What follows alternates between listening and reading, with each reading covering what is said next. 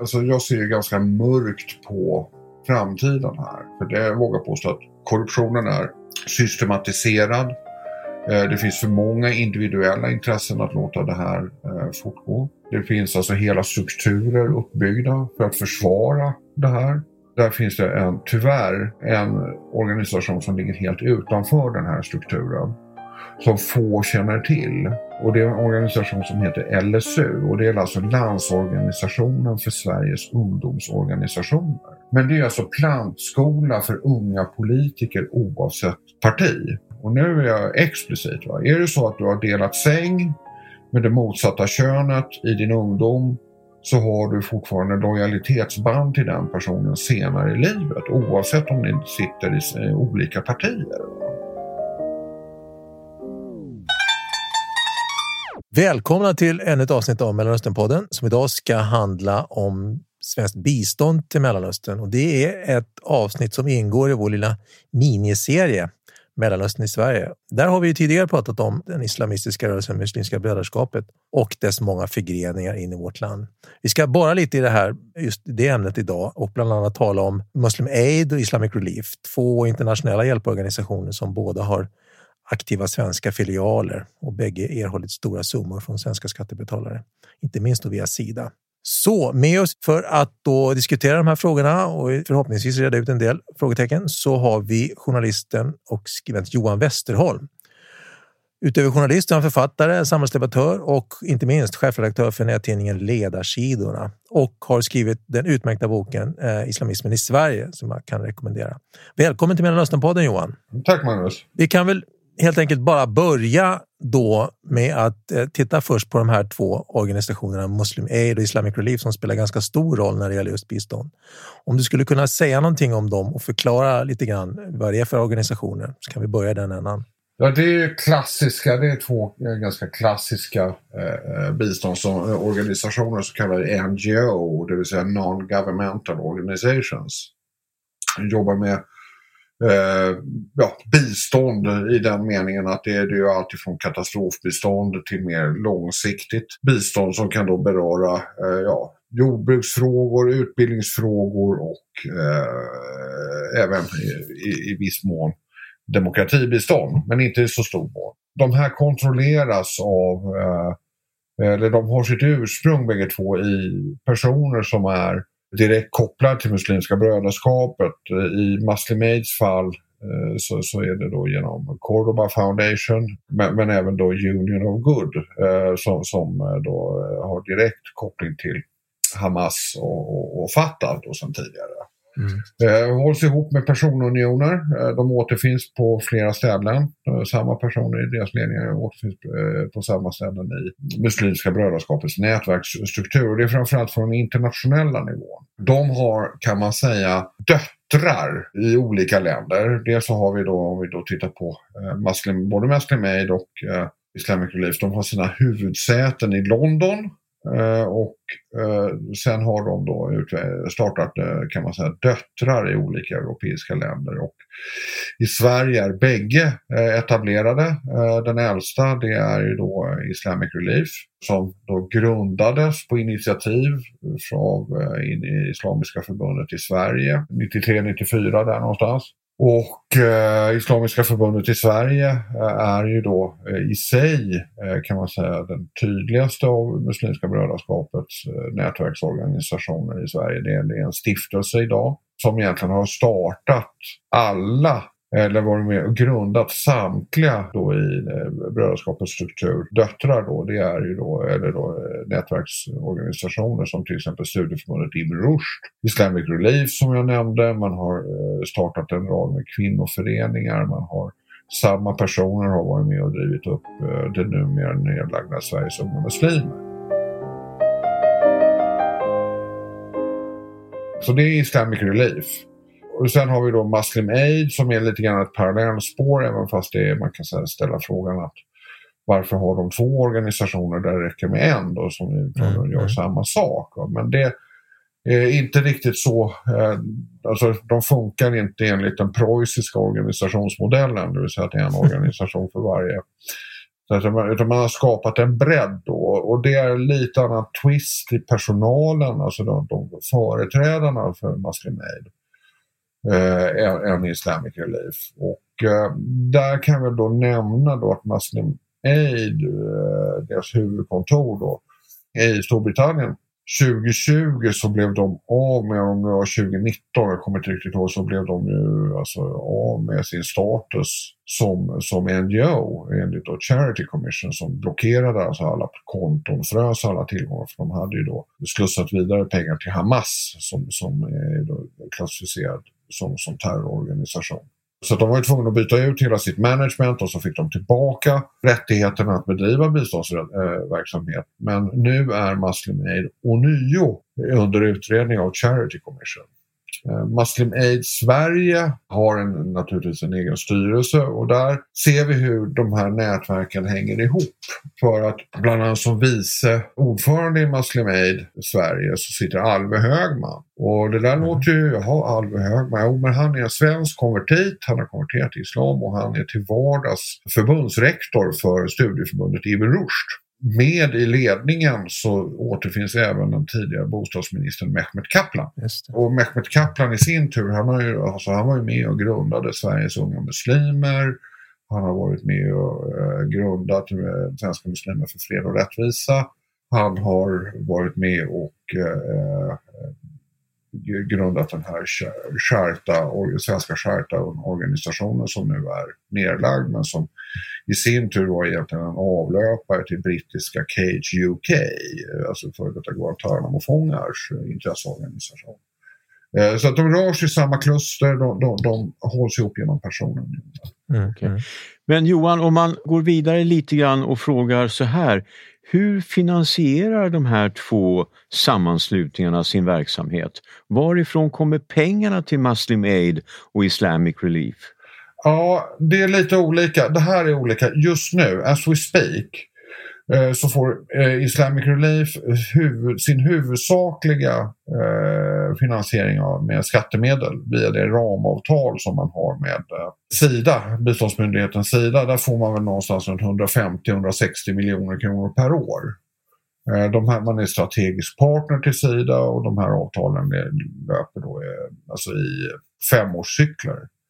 Eh, sen har man en egen insamlingsverksamhet också som går då via de moskéstrukturerna och sådana saker, ungefär som vi betalar kollekt, liksom eller de som nu går till kyrkan ska jag säga. När det gäller Muslim Aid, det är en ganska ny organisation i Sverige. De har ett 90-konto, eh, de är godkända för insamling, de har lyckats samla in mellan en och två miljoner kronor per år med sina medlemmar. Och på samma sätt då eh, genom moskéstrukturerna, olika aktiviteter de har nu ansökt om att få bli strategisk partner till Sida i likhet med Islamic Relief. Så att de sitter, också as we speak, så sitter de faktiskt och förhandlar med Sida för att alltså, få samma status som, som Islamic Relief. Mm. Så det är huvudsak skattemedel och eh, hur de diskussionerna med Sida går det vet vi inte eh, eftersom eh, ja, det här är från deras senaste årsredovisning. Då, men det ska väl komma ett beslut här under första kvartalet från Sidas sida om, om, om då Muslim Aid kommer upphöjas till att bli strategisk partner och vilka belopp det är där. Mm. Och där finns det då ett värde att säga att när det gäller de här strategiska partneravtalen, det är ju då att man frångår projektfinansiering och säger istället att här har ni ja, 100 miljoner per år eller 150 miljoner per år i fem år och sen så får ni göra ungefär lite grann vad ni vill fast inom de här givna ramarna. Så slipper ni eh, omaket med att ansöka för projekt för projekt. Det är alltså i grunden ett sätt att försöka förenkla för de här civilsamhällesorganisationerna men ytterst är det så att man tappar också kontrollen över vad, vad egentligen är man finansierar. När vi är inne på det här med pengar och belopp och så, eh, skulle du kunna säga någonting om ungefär om hur stora belopp det handlar som Sida bidrar med här och, och kanske andra statliga organ också? För jag tänker på det du har tidigare nämnt och skrivit om den här Forum SIV som ju är en paraplyorganisation då för eh, biståndsföreningar och som, om jag förstår dig rätt, man egentligen helt saknar insyn via. Som, om du skulle kunna säga någonting om detta, hur, hur, stora pengar det handlar om och hur mycket som går via de här Forum SIV då, och, och, pengar som man så att säga, tappar kontrollen på lite grann? Ja, säg så här att bara enskilt Islamic Relief, om man då räknar, alltså då, då, då börjar vi med Sida-pengarna. Vi måste hålla isär det här för att eh, mm. få en rimlig bild av det. När det gäller eh, Islamic Relief så handlar det om i runda slängar runt 200 miljoner kronor per år. Från Sida? Ja, från Sida. Mm. För dels så har de då ramanslaget och sen så kan de få söka och erhålla och ibland så sker det även det på Sidas initiativ att ja, det är någon större naturkatastrof eller svältkatastrof eller någonting sånt där som man skjuter till medel. Men roughly i Islamic Release fall så handlar det om ja, någonstans mellan 150 och 200 miljoner kronor per mm, år mm. om vi ser på de senaste fem åren. Eh, när det gäller Forum SIV, det är alltså gamla Forum Syd. Det är ju alltså en kan man säga paraplyförening för svenska civilsamhällesorganisationer. Och medlemmar i Forum SIV är alltifrån ACT Svenska kyrkan, Ekumeniakyrkan, IOGT-NTO, men även Muslim Aid och Islamic Relief. Mm. Jag har för mig också att Ibn Rushd även de är, eh, men det ska jag låta vara osagt egentligen. Men, men de är alltså medlemmar i de här. Forum SIV, de får ett ramanslag varje år och det ligger väl på roughly 300 miljoner kronor per år att fördela mellan sina medlemmar okay. och för olika projekt. Problemet med att granska den här, alltså Forum SIV, det är det att det är en förening. Det är en ideell förening. Eh, så den lyder alltså inte under arkivlagen, den lyder inte under förvaltningslagen och de lyder inte under offentlighetsprincipen heller. Så de ska bara avge rapporter till Sida varje år vad de har egentligen gjort för pengarna. Mm. Är de rapporterna offentliga? Uh, nja, ja, eller ja, det är de. Uh, men de, de är alltså väldigt, väldigt uh, knapphändiga. Uh, mm. Ja, vi har uh, genomfört bevattningsprojekt i Sudan. Jaha, okej, okay, mm. men inte vilka aktörer, inte vilka lokala aktörer. Eh, ingen egentligen kvalitetsuppföljning i, ah, okay. i någon mån. Och det här, jag har varit i kontakt med Forum Civ många gånger och, och försökt få ut handlingar på olika sätt men de hänvisar bara till Sida och Sida mm. säger att ja, du får gå in på OpenAid och titta för där lägger vi upp allting som vi får in. Va? Och det är egentligen ingenting. Okay. Eh, alltså fullständigt värdelöst. Och nu kan man säga så här så att Islamic Relief de tankar alltså pengar både i form av att vara strategisk partner till Sida men också i egenskap att vara med i den här eh, alltså, Forum där man, för, där man får alltså ganska fritt spelrum och, fördela pengar, en på, påse pengar mellan sig. Mm. Eh, och nu är det ju så här att även inom Forum så är, så är det fullständigt, medlemmarna själva har inte fullt grepp om var de här pengarna går någonstans. Den automatiska följdfrågan blir varför kräver inte Sida insyn här? Det verkar ju någonstans ganska orimligt.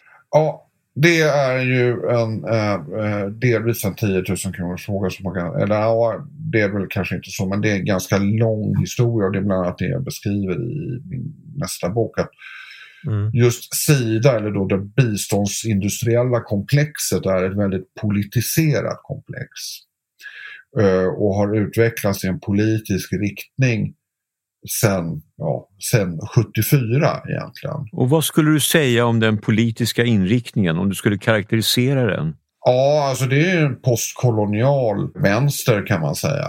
Eh, väldigt identitär rörelse mm. eh, och den glider och det här blivit påtagligt de senaste åren att den glider över från att vara humanitärt bistånd och Eh, katastrofbistånd som jag tror att det finns en mycket stor förankring för. Att Sverige ska egentligen eh, jobba med det så jobbar man nu mer med klimat, miljö och demokratibistånd. Och här finns det internationella studier. FN har själv gjort, alltså FN, huvuddelen av våra pengar går via FN, via UNDP och, och UNRWA och andra organisationer. Men de här, där Sverige nu har börjat fokusera sin biståndsverksamhet på, det är alltså klimatmiljö och demokrati, det, det, det, är alltså, det är oerhört korrumperat det biståndet. Det säger FN själva att det, här har vi problem. Men ändå så styr Sverige över allt mer bistånd till det. För att hur mäter du egentligen? Eh, alltså,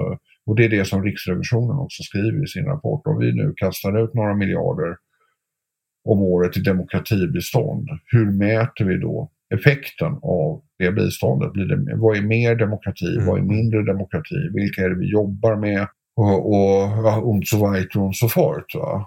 Samma sak med klimat och miljö. Det är också oerhört svårt att mäta för det handlar ju väldigt mycket om konsultativa tjänster och det ena, det ena med det tredje. Men om man tittar på Muslim Aid och Islamic Relief och deras kopplingar till just Muslimska brödraskapet som ju borde Alltså det är en väckarklocka som borde ha ringt för länge sedan och som har ringt också, men ändå har ingenting hänt. Och båda har ledare som till exempel anklagas för sådana väldigt uppenbara saker som antisemitism och, och du nämnde själv de här samarbetet med Hamas. Då är det ju intressant att höra om du kunde ge någon form av analys rent konkret hur de här ideologiska kopplingarna verkligen, hur, det, hur de kan få de här, de här konsekvenserna utan att någonting egentligen i grunden förändras. Ja, alltså det är ju flera saker. Jag har ju skrivit en del om det, men du har ju då till synes opolitiska tjänstemän som ska säga ja ministern, nej ministern och sen egentligen bara utföra dess vilja eller viljeinriktning. Då. Men jag vågar påstå att sen, ja, sen 74, men framförallt så tog det här, började det här fart på 80-talet, så, så de här värderingsburna organisationerna och myndigheterna eh, så att säga, rekryterar ju då ur ett kluster, ur ett politiskt kluster, även om det är eh, opolitiska tjänstemän som ska rekryteras, alltså, som har en viss grundinställning, i det här fallet till bistånd. Då, då, då blir det alltså de rödgröna som man eh, så att säga, i huvudsak rekryterar med. Eh, alltså det, det är inte, du, du rekryterar liksom inte en biståndsmotståndare om du ska ha en projektledare för Sudan eller någonting sånt där. Va? Utan det, det, är några som så att säga, drivs av det här. Och det blir en likriktning i de här organisationerna och eh, sen så när det gäller då de här tjänsterna, de byter sida hela tiden. Det är några år kan du sitta till exempel på, på eh, Concord som är en informationskanal eller du kan sitta på, sen så helt plötsligt så hoppar du tillbaka till Sida. De rör sig i samma kluster. Och då, får, då blir det ju ett problem så att säga, från den politiska nivån om man då kommer in då som Gunilla Carlsson som har, alltså, jag tycker en personlig uppfattning det är det att hon har en mycket sund syn på bistånd. Mm. Som ligger i linje med Riksrevisionen. Observationer. Det ska vara mätbart och det ska vara kontrollerbart och alltihopa. Det är skattemedel vi har att göra med. Eh, och det blir ju problem för en sån person som då tycker att eh, det, det, ska vara ordning och reda och, och så kommer kom man in i en organisation som helst jobbar med ramanslag och schablonersättningar istället för att jobba med projektbeskrivningar och redovisning av kostnader. Det är en otrolig en kulturkrock. Så att eh, det här, och det här sitter i väggarna på ett sätt som vi har lite svårt att förstå. Mm. De, som, de som är utlandsstationerade de tycker det är fullständigt eh, självklart att de ska ha hardship-tillägg även om de skulle sitta på Grönland som är ett av de fredligaste ja, eh, länderna på jorden. Eller, på, eller inte länderna, men tillhör Danmark. Då, men, men alltså, mm. eh, det, det, är... Eh, ja, tar saker och ting för givna och blir nästan personligt kränkta om folk avkräver dem kvitton.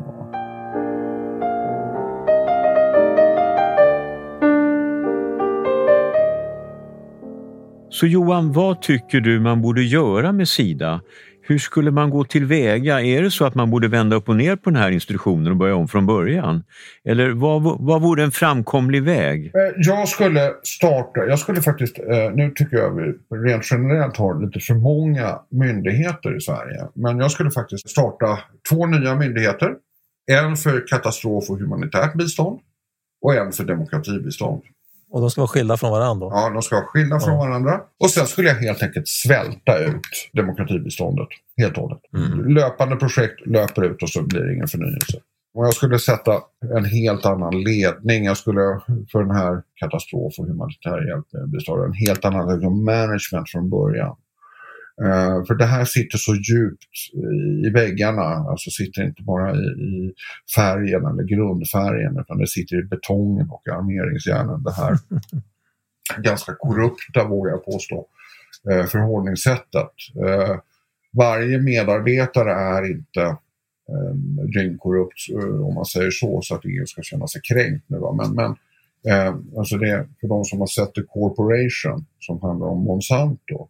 Alltså det sitter mm. i väggarna, alltså kombinationen av för mycket pengar, för löst regelverk, ett eget lingo, det vill säga ett eget språk, en egen kultur skapar den här systematiserade korruptionen som vi har. Och det här dessvärre, vågar jag påstå också, är en korruption som förstärks från tid till annan av den politiska nivån. Mm. För det är ju ingen hemlighet att Alltså Sverige, vi brukar tycka att ja, men, oj, titta, vi är så himla duktiga, vi får så himla mycket fina toppjobb i FN.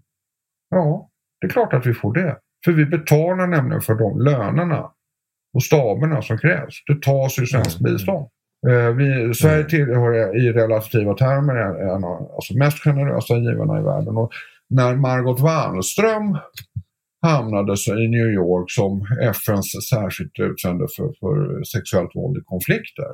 Alltså, den tjänsten hade inte kommit till om inte Sverige hade lyft då det antalet miljoner som det krävdes för att hålla Margot Wallströms kostnader inklusive bostadstillägg och lite annat eh, hennes stab och sånt där finansierat av svenska skattebetalare. Annars hade hon inte fått jobbet. Och det är samma sak Och det var biståndspengar som finansierade det? Ja, precis. Det var svenska biståndspengar.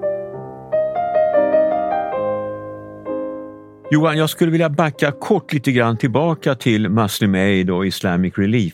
För vi har ju varit ganska kritiska mot de här organisationerna på olika sätt. Men skulle du trots det säga att de gör stor nytta på många håll i Mellanöstern? Eh, jag skulle vilja säga att de, de gör nytta. Naturligtvis gör de nytta. Alltså så, så eländigt är inte allt.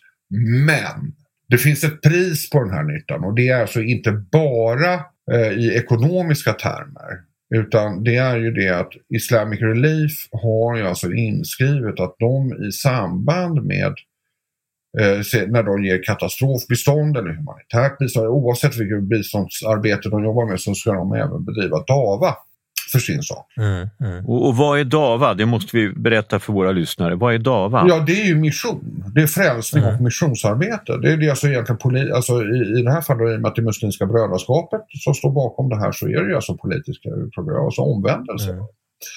Eh, och, så naturligtvis, är det, it's not all bad, det är inte, det är inte allt, all, all, alla pengar går inte. Va? Men det finns den komponenten, det finns DAVA och det finns också det här är några år, för några år sedan men det finns också belagt att Muslim Aid och Islamic Relief har varit involverade inte bara i finansiering av terrorklassade organisationer men också biträtt framförallt nere i Malaysia tror jag och Indonesien så att man alltså biträtt med kontraband, alltså det vill säga eh, transport av vapen till, till i det här fallet Al-Qaida.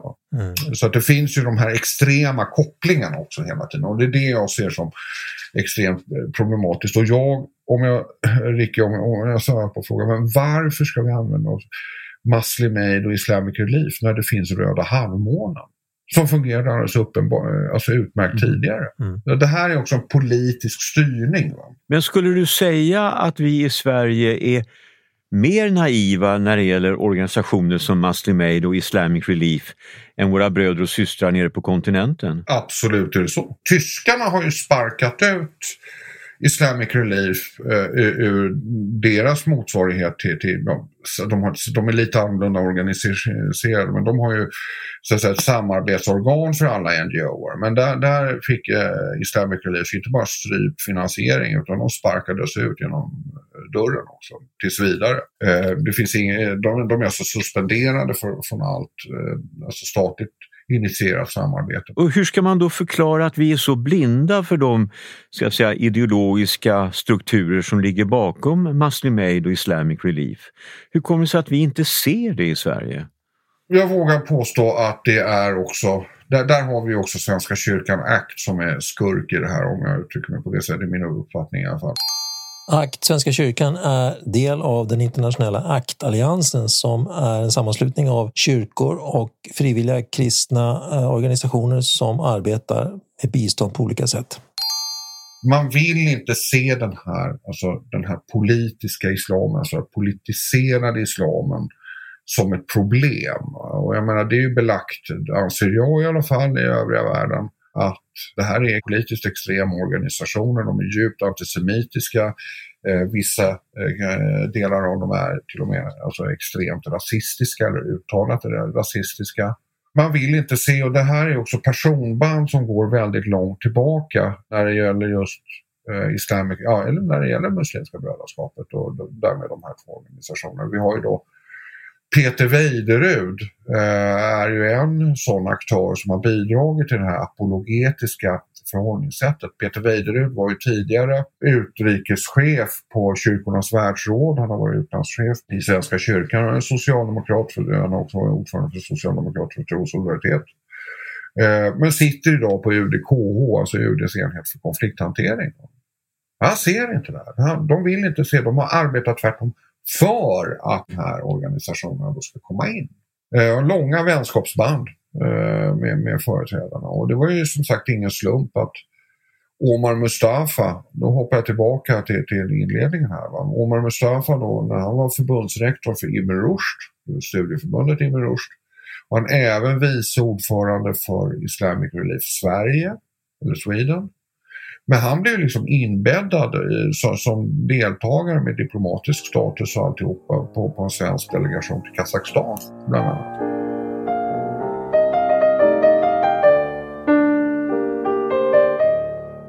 Sammanfattningsvis så kan man konstatera då att under ganska många år har väldigt många miljoner gått till organisationer och föreningar som har kopplat ihop en sorts islamistisk aktivism med i viss mån också då biståndsarbete utan att demokratin har ökat nämnvärt eller att vi har fått någon egentligen redovisning för hur pengarna har, hur de har använts och vad de har gått till. Och att detta har accepterats av, av den politiska etablissemanget i Sverige. Det är ju en, eh, en sorglig men som jag förstår korrekt sammanfattning av det här samtalet som vi hoppas kunna fortsätta vid något annat ja, tillfälle. Nej, men alltså, det, du har helt rätt Magnus. Så, ja, men alltså, så här är det. Och, eh, alltså, jag ser ju ganska mörkt på framtiden här eh, när jag kommer till rätta med det här. För det jag vågar påstå att korruptionen är systematiserad. Eh, det finns för många individuella intressen att låta det här eh, fortgå.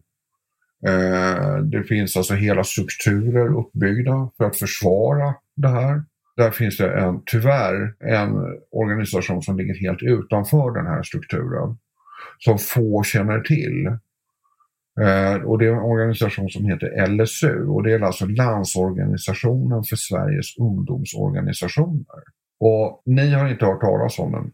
Eh, men, jo, jag har hört talas om den. Ja, du har hört talas om den, men, det är inte många. Alltså läs, eller, lyssnarna har nog inte hört talas om den. Nej.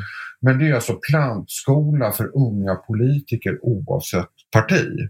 Nu har Moderaterna, MUF, de har lämnat LSU sedan några år tillbaka för de såg den organisationen såg hur deras medlemmar blev liksom korrumperade innan de klev in i politiken på förtroendeposter.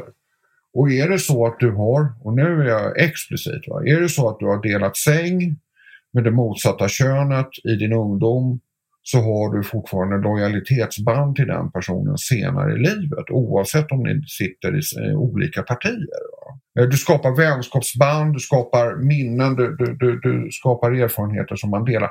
Och jag vågar påstå att den organisationen är en del, en viktig del av att förstå varför oppositionen inte motsätter sig Eh, just i det här fallet, den strukturen som är. När jag tittar på de här nätverken så hoppsan sa ja det är klart att ni var i LSU samtidigt. Ja, det är klart som fan det blir jävligt tama debatter i riksdagen och det blir väldigt eh, så här, tamt arbete i utrikesutskott och annat då när det gäller eh, så att säga, alla andra frågor. Och här är ju också en liten, liten viktig detalj och då är jag ändå tidigare liksom eh, aktiv socialdemokrat.